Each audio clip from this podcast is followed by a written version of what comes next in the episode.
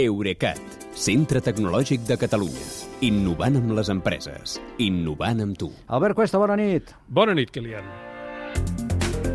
Una setmana després tornem a parlar de Twitter i Elon Musk. Finalment el multimilionari no entrarà al Consell d'Administració de la xarxa social.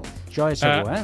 Això és el que s'ha dit, sí. Dilluns passat recordem que explicàvem que en Musk, que és l'home dels cotxes Tesla, dels coets SpaceX i dels túnels Hyperloop, havia comprat un 9,2% de les accions de Twitter, eh, passava a ser l'accionista principal de l'empresa i el conseller delegat Parag Agrawal li havia ofert un lloc del Consell d'Administració. És una oferta que Musk semblava que havia acceptat amb, amb intenció d'impulsar canvis al funcionament de la xarxa social, com aquell d'afegir-hi un botó per corregir els tuits que ja estan publicats. Cert. Doncs bé, la cosa ha acabat quedant en res. Aquesta matinada passada, Agrawal ha fet públic que Elon Musk no serà conseller de Twitter.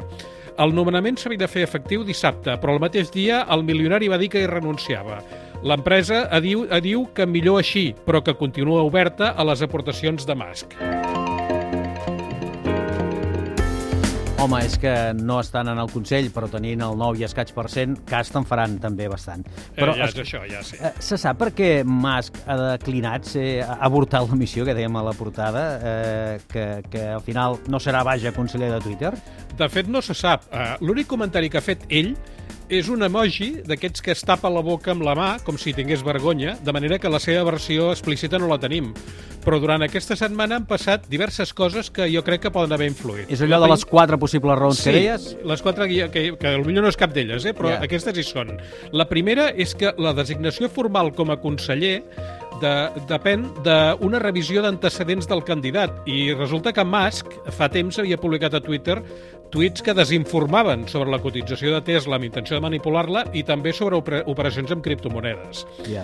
La segona, eh, que com a membre del Consell hauria estat obligat a respectar el codi de conducta de la xarxa i això és una d'aquestes coses que els milionaris els fan molta mandra. S'entén. Sí. La tercera és que el personal de Twitter ja començava a rondinar tant pel fitxatge de Musk que l'empresa havia promès una sessió on tothom podria interrogar-lo per les seves intencions. I això també li faria mandra, cert. I això jo crec que sí. I la quarta, que potser és la definitiva, eh, és que els estatuts de Twitter prohibeixen que els consellers tinguin més d'un 14,9% del capital de l'empresa. I ara que ha renunciat a ser-ho, podrà comprar tota l'empresa si li ve de gust, i podria amb els calés que té. De fet, una, de, una altra de les coses que han passat és que Musk ja no és l'accionista principal de Twitter, perquè el fons Vanguard, que tenia un 8%, va comunicar divendres que ja tenen un 10,3%. Calla que no digui ara pujo l'aposta i passo d'aquest 10,3, però vaja, això ja es veurà. Escolta'm, eh, no semblaria, n'has dit 4, eh? De Sí. motius? No semblaria que el motiu sigui un atac de banyes financer, no? No, aviam, més aviat eh, el que passa jo crec és que Musk ha vist que des de dins no podrà fer anar Twitter com la seva joguina. I, de fet, aquest cap de setmana semblava una mica desfermat i s'ha dedicat a piular coses força mm, pintoresques. Una, eh, per exemple, que Twitter hauria d'esborrar la lletra W baixa del seu nom eh, i una altra que hauria de convertir la seu de San Francisco en un refugi per persones sense llar perquè, total, els empleats ja no hi van mai. Curiós. Uh, sí, i tan curiós com que després ha esborrat els dos tuits. Ah. En canvi, ha deixat penjat el que deu haver fet més mal a la direcció i és un tuit on comenta la llista dels 10 perfils amb més seguidors, on hi ha el seu amb la vuitena posició, i diu, amb raó, que la majoria dels altres 9 no piulen pràcticament mai, i es demana si això vol dir que Twitter s'està morint. Doncs, tal com ha anat tot, sembla que tornarem a parlar d'Elon Musk i les seves relacions amb Twitter bastant sovint. Uh, D'això en pots estar segur, Kilian. Gràcies i bona nit. Bona nit.